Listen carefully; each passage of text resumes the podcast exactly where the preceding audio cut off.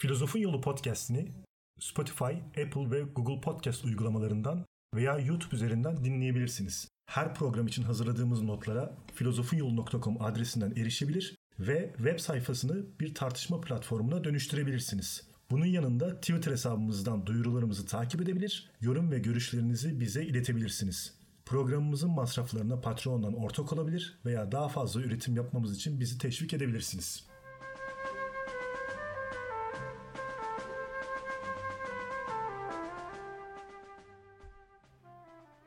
Pirenelerin bu tarafında doğru olan, öbür tarafında yanlıştır. Merhaba, Filozofun Yoluna hoş geldiniz. Ben İlker. Ben Bilal. Filozofun yolunda bilgi felsefesi konuşmaya devam ediyoruz. Bu haftada bu programımızda bilgi felsefesinin akımlarından bahsedeceğiz. Evet, bu programda akımlardan bahsetmeye başlıyoruz. Bunlara önce kısaca değinip daha sonra tarihsel olarak filozofları konuştukça ayrıntılarına girmeyi planlamışım esasen. Ama sonradan bu programların bilgi felsefesi için referans programları olmasına karar verdim ve akımları ayrıntılarıyla ele alayım dedim. 5 veya 6 program boyunca bu programları yani akımları konuşacağız ve daha sonra belki bilgi felsefesinin diğer disiplinlerle ilişkisine de değinip ilk çağ felsefesinden itibaren bilgi felsefesini anlatmaya başlayacağız. Eğer planladığımız gibi bunları gerçekleştirebilirsek programlarımız bilgi felsefesinin klasik yorumu için genelde geniş bir kaynak haline gelecek. Bize de güzel bir referans olacak. Filozofları işlerken de her zaman herhangi bir zaman dönüp bu programları bakabilirsiniz. En azından web sayfasından kavramları aratabilirsiniz. Programa başlamadan önce bu ayki destekçimiz Misbah Bey'e teşekkür ederim. Ee, ve destekçilerimizle yaptığımız aylık metin okumalarına siz de katılmak isterseniz Patreon ve Kroos üzerinden bizim destekçilerimiz arasına girebilirsiniz. Dinleyicilerimize de epey yardımcı oluyor bu durum. Felsefe metni okumaya insanlar pek alışık değiller, aşina değiller, nasıl okumaları gerektiğini bilmiyorlar. Bu programlar sayesinde yani yaptığımız görüşmeler, buluşmalar sayesinde epey faydalanıyorlar dinleyicilerimiz. Bu programda kullanacağımız kaynakları da belirteyim.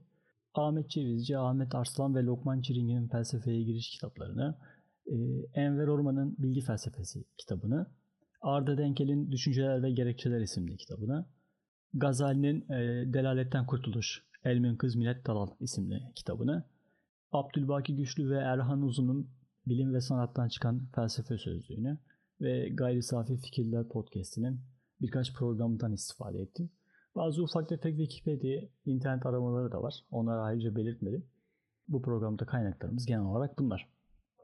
Diyelim ve akımlara başlayalım. Biz bilgi felsefesinin temel akımlarını dogmatizm veya dogmacılık, e, septisizm veya kuşkuculuk, empirizm veya deneycilik, rasyonalizm veya akılcılık, sezgicilik, pozitivizm veya olguculuk ve pragmatizm veya pragmacılık olarak e, sıralayabiliriz. Biz bu programımızda dogmatizm ve kuşkuculuk akımlarına değineceğiz önce. İstersen bu kavramlara kısaca bir değinip esas konumuza öyle girelim mi? Yani kuşkuculuğa onu en e, az çok neyle kıyaslayacağımızı bilerek yavaş bir giriş yapmış oluruz böylece. Evet. En azından gelecek programda nelerle karşılaşacağını bilir dinleyicilerimiz. E, epistemolojik bağlamda dogmacılık veya dogmatizm bilginin imkanını olumlayan düşünce akımıyken kuşkuculuk bilginin imkanını farklı açılardan reddeden akımdır. Yani dogmacılar doğru ve kesin bilginin var olduğuna, var olabileceğine inanırken kuşkucular buna adı üstünde şüpheyle yaklaşır. Bazı durumlarda bunu olumlarken bazı durumlarda reddederler. Felsefede empirizm ve rasyonalizm tartışması ise daha çok bilginin kaynağına dair bir tartışmadır. Rasyonalizm bilginin kaynağının akıl olduğunu söylerken empirizm bilginin kaynağını deneye dayandırır. Bunlara eklenebilecek bir üçüncü akım olan sezgicilik ise hem algının hem de aklın yanıltıcı olduğunu, doğru bilginin kaynağının dolaysız sezgi olduğunu savunur. İlerleyen programlarda konuşacağımız bir diğer akım da pozitivizmdir. Pozitivizm yani olguculuk, olguları mesela doğa olaylarını açıklamak için başvurulan her türden teolojik ve metafizik nedeni yatsır, reddeder ve olguları ancak olgulara dayanarak bilebileceğimizi iddia eder. Mesela sosyolojide toplumsal olaylar yine toplumsal olaylarla açıklanır. Arka planda teolojik veya metafizik bir şey aranmaz. Son olarak pragmatizmi konuşacağız. Bu akımın temsilcileri bilginin doğruluğunu ve geçerliliğini pratik yaşamda arar. Bilgiyi temelde bir yarar, araç ya da işlev olarak alan epistemolojik bir görüş belirtirler. Şimdi esas konumuz olan dogmacılık ve kuşkuculuğa bakalım. Aslında bütün bilgi felsefesini dogmatizm ve kuşkuculuk diye ikiye ayırmak mümkündür. Bir tarafta kuşkucular, diğer tarafta da dogmatikler bulunur. Geçen programda üzerine eğildiğimiz gibi bilgi tanımı gereği doğrudur. Doğru önermelere bilgi diyoruz. Tabi bu durum bizim bilgiye ulaşıp ulaşamayacağımızı veya gerçekte bir şeyleri bilip bilemeyeceğimiz sorusunu da gündeme getirmesi gerekiyor. Gündelik deneyimlerimiz en temel bilgi kaynağımız olan duyularımızın yanıldığını epey sık gösteriyor bize. E, programlarımızda sıkça verdiğimiz birkaç örnek yanında bu yanılgılı deneyimleri çeşitlendirebiliriz de.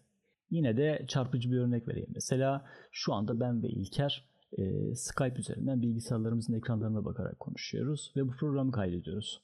Yaşadıklarımızı da gerçeği gösteren bir algı olarak yorumluyoruz haliyle. İkimiz de yaşananların gerçekliğinden şüphe etmiyoruz. Fakat ikimizden birinin pekala bir saniye sonra yatağında gözlerini açması olası ve aslında rüya gördüğünü anlaması mümkün bir şey. Şimdi böyle bir rüyayı laboratuvarında müthiş bir buluş yapan bir bilim insanının başına geldiğini düşünelim. Sonuç daha vahim veya en azından daha büyük bir hayal kırıklığı yaratabilir. Yani sonuç olarak biz kimi zamanda olsa algımızın bizi aldatabileceği bilinciyle her şeyden sürekli olarak kuşku duyabiliriz. Evet. Üstelik sadece gündelik bireysel yanılgılar değil, daha büyük ölçekte toplumsal ve kurumsal yanılgılar da yaşayabiliriz. Bilim tarihi geçmişte insanların doğru kabul ettiği birçok bilimsel görüşün artık doğru olmadığını gösterirken bu beyanımıza katkı sağlar. Bu sorun benzeri veya farklı senaryolarda elbette bilgi felsefesinin inceleme konusu olacaktır. Biz bu sorunu felsefe içerisinde ele aldığımızda nereye kadar bilebiliriz veya herhangi bir şeyle ilgili gerekçelendirilmiş bir inanca sahip olabilir miyiz sorularıyla karşılaşırız. İşte bu sorunu ve olası sorunları dogmatizm ve kuşkuculuk başlığı altında ele alırız. Önce terimlerimize bakalım. Gündelik anlamlarıyla dogmatizm ve kuşkuculuk bireyin kişisel yaşantısının içeriğiyle ilgilidir. Dogmatik insan belli bir görüş ya da ideolojiye körü körüne inanır. En ufak bir kuşku kırıntısına yer vermeksizin eleştirmeden ve sorgulamadan olduğu gibi inanan kişidir. Kuşkucu insan ise kendine ve çevresine temkinli ve güvensiz yaklaşan kişidir. Felsefe bağlamında ise dogmatizm genel olarak bilginin ya da daha doğru bir dile getirişle doğru bilginin gerçekliğine olan inancı ifade eder. Kuşkuculuk hariç demin saydığımız tüm akımlar yani empirizm, rasyonalizm, pozitivizm, e, pragmatizm, sezgicilik bunlar dogmatikler kümesi içerisinde, içerisindedirler. Yani bunlar doğru ve kesin bilginin var olduğunu iddia ederler. Ve bunu elde etmeye yönelik görüşler de orta, ortaya koyarlar. Evet. E, bu ismi yani dogmatikleri de ona kuşkucular vermişler. Daha hatırlıyorsan Helenistik dönemde de dogmatikler diye başlıyorduk filozoflar evet. genelde sözlerine. Biz de bu akımları ilerleyen programlarda ayrıntılarıyla konuşacağız. Kuşkuculuk terimi ise Yunanca'da gözlemek, incelemek anlamına gelen skeptesbeia sözcüğünden türetilmiştir. Bu terim e, yerleşik felsefe dilinde kesin bir tutum almamayı, en son bir yargıya varmamayı ilke edinmiş, bütün değerlerden, inançlardan, bilgi savlarından ilkece kuşku duymanın doğruluğunu savunan felsefe anlayıştır. Kuşkuculuk kısaca bilginin imkansız olduğunu, hiçbir şeyin bilinemeyeceğini, insan zihninin kesin hiçbir doğruya ulaşamayacağını öne sürer. Kuşkuculuk deyince aklıma bu Helenistik dönem başlığı altında incelediğimiz septikler okulu geliyor. Onlar da mutlak bilgiye ulaşmanın mümkün olmadığını söylüyordu. Ama biz hayatı yaşayabilmek ya da felsefe bilim yapmayı imkan tanıyacak kadar belli bir dereceye kadar da bilginin imkanından haberdar olmamız gerekiyor diyorlardı aynı zamanda. Bunun için de çeşitli soruşturmalar ve yöntemler önerilmişti. Yalnız biz septikleri konuşurken bilhassa kuşkuculuğun kendisi üzerinde çok durmadık hatırlıyorsan. Yani evet dogmatik kavramlardan bahsetmiştik. Yani mesela kuşkuculuğun türleri var mı gibi bir soruyu ele almamıştık. Yani sadece modern çağda kuşkuculuğun bazı değişimlere uğrayacağından kısaca bahsetmiştik. Yani sonrasında ayrıntılarıyla daha sonraki programlarda konuşuruz demiştik ama şu an o an geldi herhalde değil mi Bilal? Evet, şimdi onları ayrıntılarıyla incelemeye başlayacağız. Yine de kuşkucu filozofları teker teker gördüğümüzde daha da ayrıntılı olacak bu süreç. Çünkü çok geniş bir çerçevede bütün kuşkuculuğu ele alıyoruz. Bilginin iddialarına bir deyişle bu meydan okuyan kuşkuculuğun genel, lokal ya da kısmi türlerinin yanında biri bilgiye, diğeri inançla ilgili olmak üzere e, dört ayrı türü var. Bu terimleri ele alarak başlayalım. Genel septisizm, radikal veya aşırı kuşkuculuk olarak da bilinen ilk türde önemli temsilciler septikler okulundan bildiğimiz Piron'dur. Bu görüşe göre bilgi hiçbir yer ya da alanda hiçbir şekilde mümkün değildir. Bir de lokal kuşkuculuk var. Söz gelimi metafiziksel bilgi türünden bazı bilgi türlerine veya başka zihinler türünden belli bir takım şeylerin bilgisinin imkansız olduğunu öne sürer. Mesela Kant göreceğimiz gibi metafiziksel bilgiyi yani nümeni reddeder. O bilgiye yani metafiziksel bilgiye ulaşılamayacağını söyler. Bir de bilgi septiği ve inanç septiği denen bir şey var. Bilgi septiği bilgiye ulaşmanın mümkün olmadığını savunur ve bu iddiasını bütün bilgi imkanları için geçerli olduğunu söyler. Sadece bazı bilgi alanları için geçerli bir iddia olarak da öne sürülmesi de mümkün tabii. Mesela birisi başkasının duygularını olduğu gibi eksiksiz bir şekilde öğrenmenin imkansız olduğunu öne sürebilir. Başka zihinlerin bilgilerini yani. Son olarak inanç septiği bizim herhangi bir inanca sahip olma hakkımızın bulunmadığını, hiçbir inancın bir diğerinden daha iyi olmadığını savunur. İnanç septiği bu iddiayı Protagoras'taki gibi her alan için geçerli sayarken e, bu düşüncesini din veya ahlakla ilgili de sınırlayabilir. Protagoras'ın bir sözünü hatırlayalım. Her şey üzerine birbirine zıt iki söz söylemek mümkündür. Yani her şeye farklı şekilde inanmak mümkündür. Evet. Dolayısıyla belli bir inanca sahip olmamamız gerekiyor diyor Protagoras. Yalnız e, kuşkuculuk türlerinden bahsederken daha önceki programlarımızda bahsettiğimiz yöntem olarak kuşkuculuk gibi bir alt tür bekliyordum açıkçası. Antik Yunan septikleri gibi yani radikal aşkı, aşırı kuşkuculuk yanında tavır veya yöntem olarak bir kuşkuculuktan da bahsediyoruz. Öncelikle bir e, tavır olarak kuşkuculuğun felsefi etkinliğin özünü oluşturduğunu söylememizde bir behis yok. Zaten felsefenin en önemli özelliklerinden biri eleştirici olmasıdır. En başa bakarsak felsefenin Yunan dünyasında dönemin dinsel mitolojik dünya görüşüne bir eleştiri olarak başladığını da zaten görebiliriz. Felsefeye gönül vermiş ve felsefeyle uğraşan bir kişi olarak filozof, sıradan gündelik yaşamın acil ve pratik tavır gerektiren temposundan kopabilen, kendisine sunulan düşünce ve değer yargılarından kuşkuyla yaklaşıp sorgulayabilme becerisine sahip olan olması gereken kişidir. Tavır olarak kuşkuculuk, gündelik ya da sıradan anlamıyla dogmatizmi yani dile getirilen görüş ve inançlara sorgusuz sualsiz körü körüne taraf olmanın panzehridir. Filozof deyince akla ilk gelen isimlerden Sokrates'in kendi döneminin sıradan Atinalılarının yeterince sorgulanmamış görüşlerine karşı kuşkucu ve eleştirel tavrı bize iyi bir örnek olacaktır. Ne diyordu? Sorgulanmamış hayat yaşanmaya değmez diyordu Sokrates. Eleştirel felsefenin mucidi Kant da bu tavrı gerekçeleri temelleri olmadığı sürece herhangi bir görüşü, iddiayı kabul etmeme tavrı olarak tanımlar. Yani bir filozofta zaten olması gereken bir özellikten bahsediyoruz. Evet. Fakat tek bir şey biliyorsam o da hiçbir şey bilmediğimdir diyen Sokrates de bu tavrı yani bu kuşkucu tavrı sonuna kadar sürdürmez. Kuşkuya teslim olmaz. Filozofun yapması gereken olgu ve olaylara şüpheyle yaklaşmak, bu olgu ve olaylara dair şüpheleri ortadan kaldırmak, kendisinden şüphe edilmesi mümkün olmayan kesin bilgi aramaktır. Bir varış noktası da başlangıç noktası yani. Evet, bir yöntem olarak kuşkuculuk kuşkuyu bir amaç, bir hedef olarak değil de bir araç olarak ele alır. Felsefe tarihinde yöntem olarak kuşkuculuğun en tipik ve en iyi örneği ünlü Fransız filozofu Descartes'tir. Descartes'e göre kuşkuculuk ya da genel olarak kuşku öyle bir yöntemdir ki kendi karşıtı olan kesin ve açık seçik bilgiye ulaşmamıza olanak verir. Kuşku, kuşkulanan öznenin varlığının dolaysız sezgisine işaret eder ona göre. Descartes'e göre böyle bir aşırı kuşkunun sonucunda yaşanan iç aydınlanma, düşünen öznenin kendi varoluşuna yönelik sezgisine dayanan kesin bilinç durumu tüm felsefi akıl yürütmenin de asıl başlangıç noktası olmalıdır. Bir diğer örnek de Gazali'dir. Allah'ın varlığını kabul etmeyen zındıkların, dehrilerin ya da kafirlerin argümanlarını araştırmaya girişir Gazali. E, o hem onların eleştirilerine cevap vermek ister hem de acaba sadece ailesi onu Müslüman olarak yetiştirdiği için mi Müslüman olmuştur sorgulamasını yapmak ister bu araştırma sürecinde. Fakat felsefe eğitimi almamış Gazali'nin önce felsefe öğrenmesi gerekir ve amacı da açıktır. Öncelikli olarak bilmem gereken husus şu eşyanın hakikatinin ne olduğunu öğrenmemdir.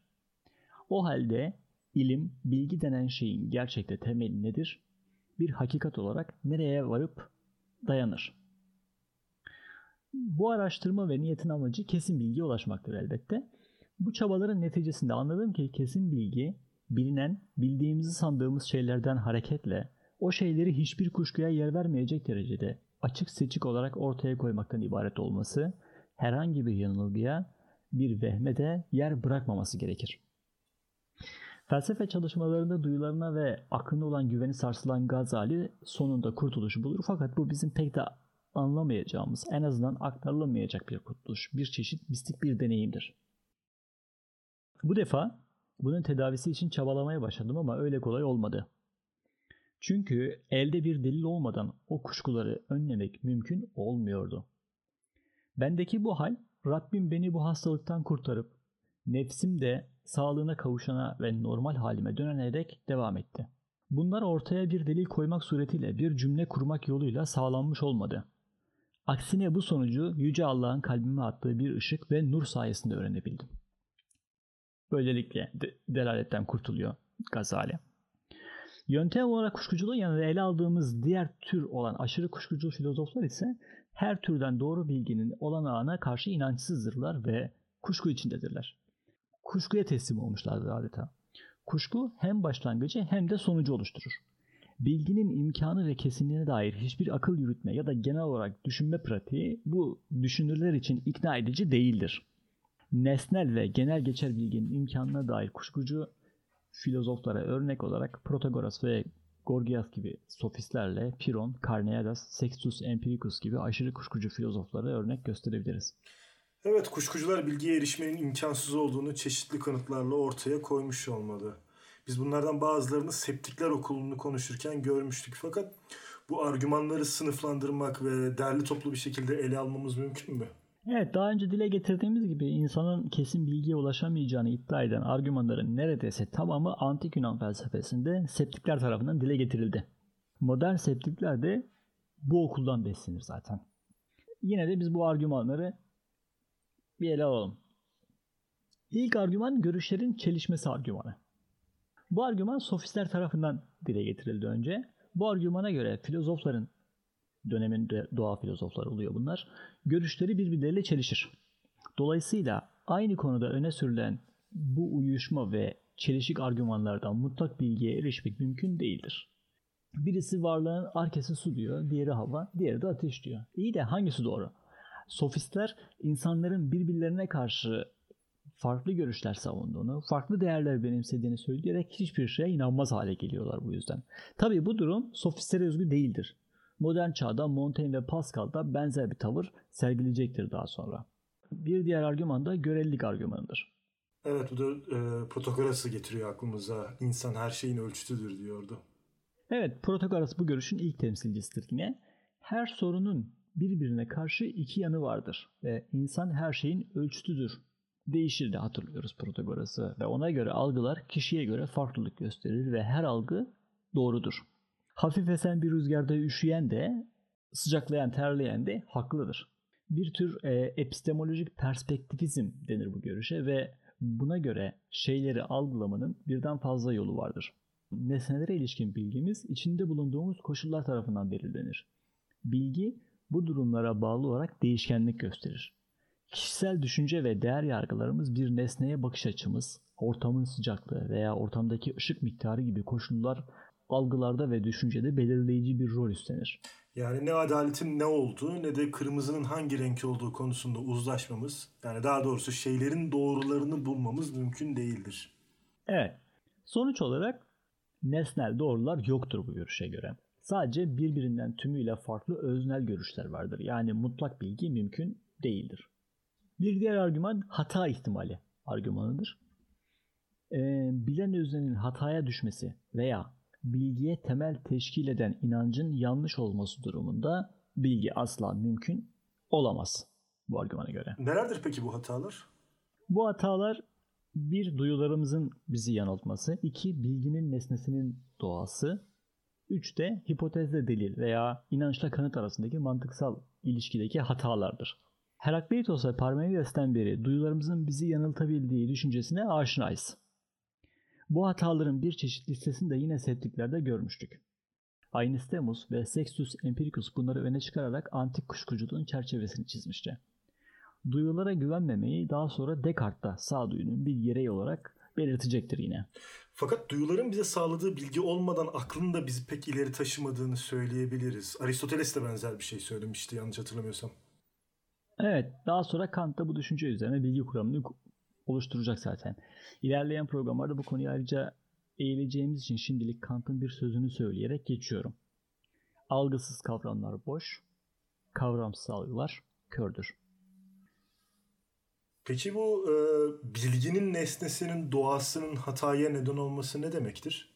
E, Birçok düşünür duyuların bizi sadece görünüşe götürdüğünü söyler. Görünüşler de sürekli olarak değiştiği, algılayana görele olduklarından nesnelerin gerçek doğasına hiçbir zaman ulaşamayız. Bir nesnenin renginin farklı ışıklarda farklı renkler alması, bir cisme farklı açılardan bakarken onu farklı algılamamız, bir nesnenin zaman içinde değişmesi veya bozulması gibi olgular nesnelerin bize her zaman doğru bilgi vermediğini gösteriyor. Modern çağdan beri nesneleri niteliksel değil niceliksel yani ölçülebilir matematiksel değerler olarak ifade etmeye çalışıyoruz. Havanın sıcaklığını işte mont giymeyi gerektirmeyecek kadar sıcak demek yerine 17 derece olarak ifade ediyoruz. Ya da sevdiğimiz bir arabanın renginin mercan yeşili yerine birkaç haneli renk kodları ifade ediyoruz. Ya en azından teknik servislerde. Böylelikle e, nesnelerden ve çevresel koşullardan kaynaklanan hataların önüne geçmeye çalışıyoruz. Ama yine de bu konuda kusursuz bir sistem kurmuş değiliz ve şeyler hakkında yeni ve bazen eski düşüncelerimizin aksini gösteren şeyler öğrenebiliyoruz. Bir diğer hata nedeni sahip olunan inançlar ile mevcut kanıtlar veya geliştirilen hipotezler ile deliller arasında ortaya çıkan mantıksal boşluktur. Örneğin güneş yarın da doğacak hipotezinin doğruluğunu kanıtlayacak hiçbir delile sahip değiliz. Ya da Russell'ın söylediği gibi sahip olduğumuz hiçbir delil dünyanın 5 dakika önce yaratıldığı hipotezini geçersiz kılmaz. Şu da bir arg- argüman olabilir mi? Şimdi biz bir şey kanıtlarken mevcut olgunun öncesini veya onu hazırlayan aşamaları dile getiriyoruz. Fakat birisine bunu son sunduğumuzda o da e, bizim bu sunduğumuz ispata karşılık e, bu ispatın doğru olup olmadığını ben nereden bileceğim diyemez mi? Evet. Bu ispatını da ispatla diyebilir mi bize? Evet.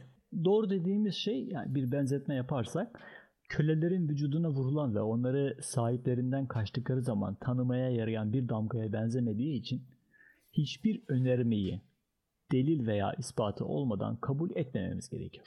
Fakat iddiaları kanıtlamak için getirilen ispatların da ispatlanmaya ihtiyacı vardır.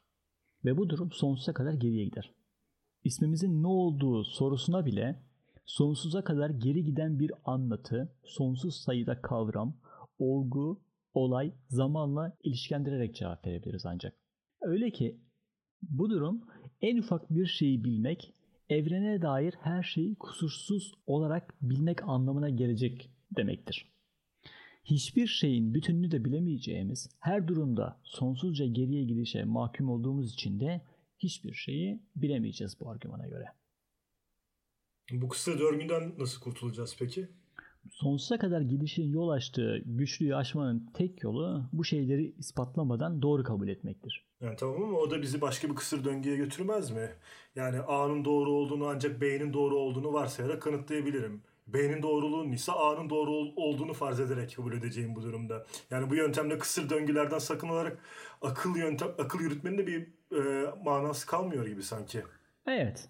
Aklımın değerini ispatlamak için akıl yürütmem yani değeri şüpheli olan şeyi eşdeğişle aklımı kullanmam gerek. Örneğindeki gibi sürekli bir kısır döngü içerisine gireriz. Bu argümana karşı söyleyecek maalesef hiçbir şeyimiz yok. Yani hiçbir şey bilemeyecek miyiz biz bu durumda? Yani geçen program o kadar kültür, medeniyet, varoluş dedik. Şimdi hiçbir durumda mutlak bilgiye ulaşamayacağımızı söylüyorsun. Nasıl olacak bu işler Bilal? Şimdi temel sorunumuz öznenin kendi dışındaki nesneleri gerçekte olduğu şekilde bilip bilemeyeceği sorunudur. Bu sorun aynı zamanda özne dışında bir gerçeklik olup olmadığı sorunudur. Bu soruna epistemolojik realizm ve epistemolojik idealizm başlıkları altında bakalım. Önce epistemolojik realizm.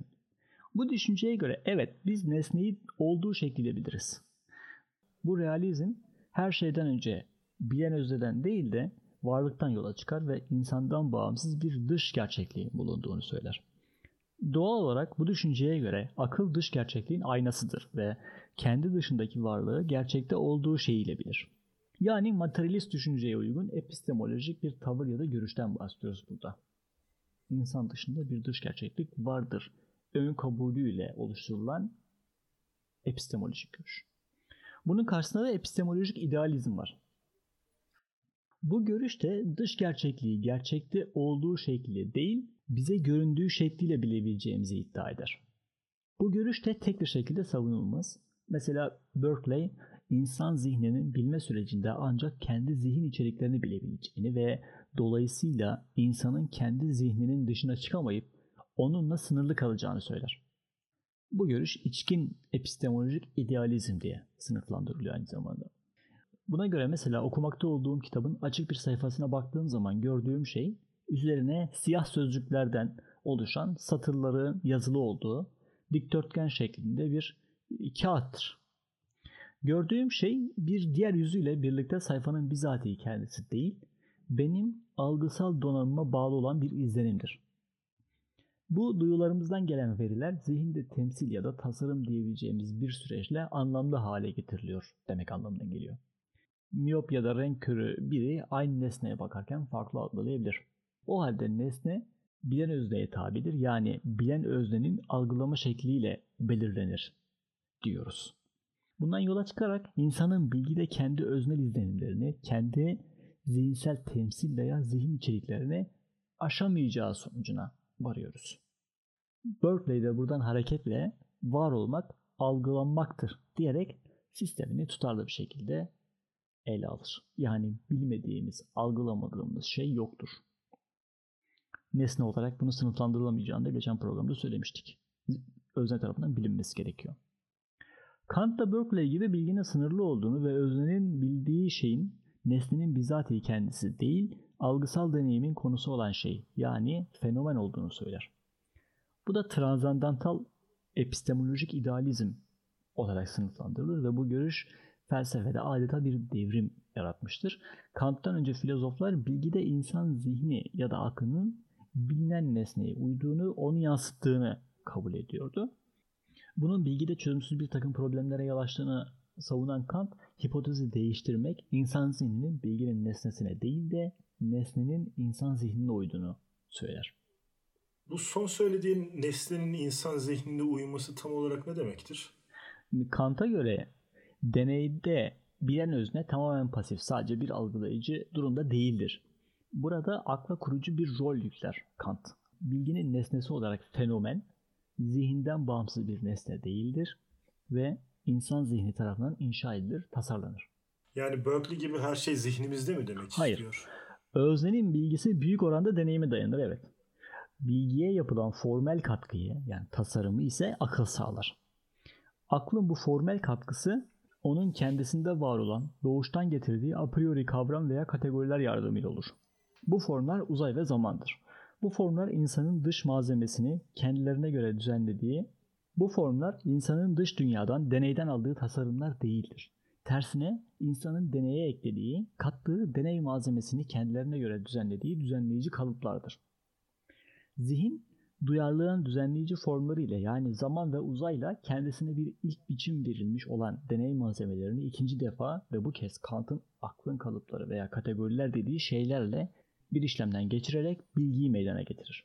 Bu kategorileri Aristoteles'ten de biliyoruz. Aristoteles'te 10 tane vardı. Kant'ta 12 tane olacak ve bunları 4 temel sınıfa ayıracak Kant. Bunlar niceliğe göre, niteliğe göre, ilişkilerine veya bağıntısına göre, kipliğine veya modalitesine göre diye sınıflandırılıyor. Aristoteles bunları ontolojinin bir parçası olarak nesneleri nesneleri sınıflandırırken, nesneleri anlarken böyle kullanmıştı ama Kant bunları epistemolojik olarak ele alıyor. Aradaki en önemli fark da bu aslında. Niceliğe göre dediğimiz şey birlik, çokluk, tümlük, bütünlük. Niteliğe göre dediğimiz şey gerçeklik, olumsuzluk veya sınırlılık. İlişkilerine veya bağıntısına göre dediğimiz şey töz, neden, bedensellik, bağımlılık, birliktelik, ortaklık veya karşılıklı eylem. Kipliğine göre, modalitesine göre olanak, varoluş ve zorunluluktur. Bunları anlamamanız normal. Web sayfasına mutlaka bakmanız lazım. Böyle konuşan birini dinleyip bu kadar karmaşık şeyleri akılda tutmak gerçekten zor olacaktır. Yani insanın deneyden gelen algıları, kavram ve kategorileriyle kendisinin inşa ettiği veya tasarladığı şeyleri kendisine görünen ve aklıyla kavrayabildiği şekilde bilebildiği anlamına gelir. İnsanın bir anlamda inşa ettiği, kendisine yapı kazandırdığı bu varlığa fenomen der Kant'ın. Öznenin bilgisi de bu fenomenle sınırlıdır. Yani insan zihninin bilemediği şeyler de var o halde. Evet, insan zihinsel yapısına uygun olmayan şeyleri algılayamadığı için ve bu yüzden kendisinden bağımsız olan şeyler olarak nümenleri de yani kendinden şeyleri de bilemeyecektir. Burada anladığımız diğer bir şey de hakkında herhangi bir şekilde e, deney yoluyla e, bilgi sahibi olamayacağımız veya bize deneyde verilmiş olmayan hiçbir şeyin bilgisinin gerçek anlamda mümkün olmayacağı değil midir? Evet. Yani e, Tanrı, ruh, özgürlük gibi duysal deneyimi açık olmayan fakat bildiğimiz kavramların bilgisini nereye koyacağız bu durumda? İşte geleneksel metafizik yani bu tür varlıkları bu şekilde ele alan felsefi disiplin bilimsel olarak mümkün değildir sonucuna varıyoruz. Yani metafizik bir bilim değildir ve biz bu tür varlıkları ciddi anlamda hiçbir zaman bilemeyiz. Yani Kant'tan sonra metafizik bitmiştir demek bu anlama geliyor. Metafizik öğeler, nümenleri biz bilemiyoruz. Kant orada bir sınır çiziyor. Onlarla artık uğraşmayın. Biz sadece görünenle algılayabildiğimiz ve tasarlayabildiğimizle ilgilenelim. Felsefenin konusu bu olsun. Boşuna uğraşmayalım. Yani bir toplu iğnenin ucuna kanatları birbirine değmeyen kaç tane melek oturur sorusunu sormayalım artık diyor. Kant'ın yöntemsel şüpheciliği zihinsel yetilerimizin alanının sınırlanmasından ibarettir. Yani nümen fenomen ayrımı. Bu tavrın sonraki temsilcileri de pozitivistler ve pragmatistler olacaktır. Peki, e, kuşkucular birçok yönden haklı görünüyorlar gerçekten ama biz septikleri konuşurken de bu e, soruna bolca değiniyorduk. E, her şeyden kuşku duyarken hayatı nasıl yaşayacağız, nasıl bilim kültürü üreteceğiz? Yani hiçbir şeyin bilinemeyeceğini bilen, yani sözüm ona bilen, yani hiçbir şeyin kanıtlanamayacağını işte kanıtlayan bu bu tür bir kuşkuculuğu bizim savunmamız mümkün müdür? Evet. Biz buna akademik kuşkuculuk diyoruz aslında bir yandan da bu görüşe. Akademik kuşkuculuk hiçbir şeyin bilinemeyeceği gerçeğinden başka hiçbir şey bilinemeyeceğini savunuyor. Tabi bu mantıksal çelişki yarattığı için de tutarlı değildir.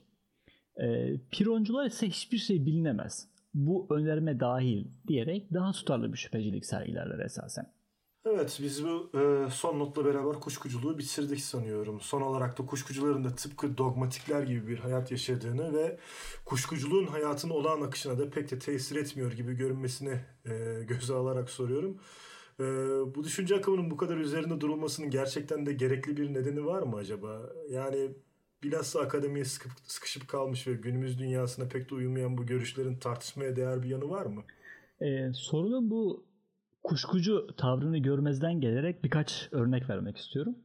Daha önce ne işe yarayacağı bilinmeyen yarasalar üzerindeki çalışmalar günümüzde yaşadığımız e, Covid-19 salgını ile ilgili çalışmalara çok önemli veriler sağladı.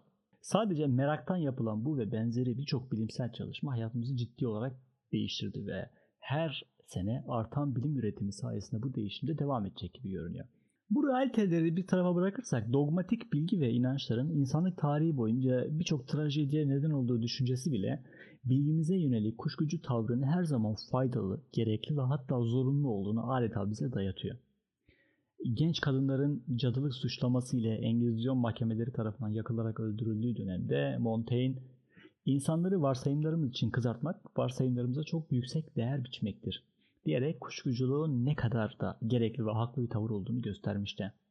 Bu trajediler hale devam ediyor ve bunun önüne geçmek için kuşkuculuk belki de elimizdeki tek araçtır. Çünkü kuşkucular engizisyon mahkemeleri kurmaz. Her şeyden, her durumda, her zaman şüphe ederek doğru ve kesin bilgiye ulaşmak ister. Aydınlanmamızın Gazali örneğindeki gibi tanrısal bir ışık aracılığıyla gerçekleşmesini beklememiz de gerekmiyor. E, Kamun'un dediği gibi onu yani aklımızı kullanalım yeter.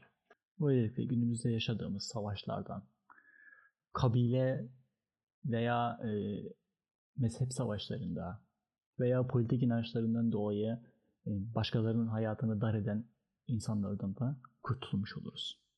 Dolayısıyla kuşkuculuk gerekli ve zorunlu bir şeydir hayatımız için. Diyorum ve kuşkuculuğu bitiriyorum. Web sayfasına, program notlarına bakmayı unutmayın. Yoksa takip etmeniz çok zor olur programı. Bir sonraki programda görüşürüz. Hoşçakalın.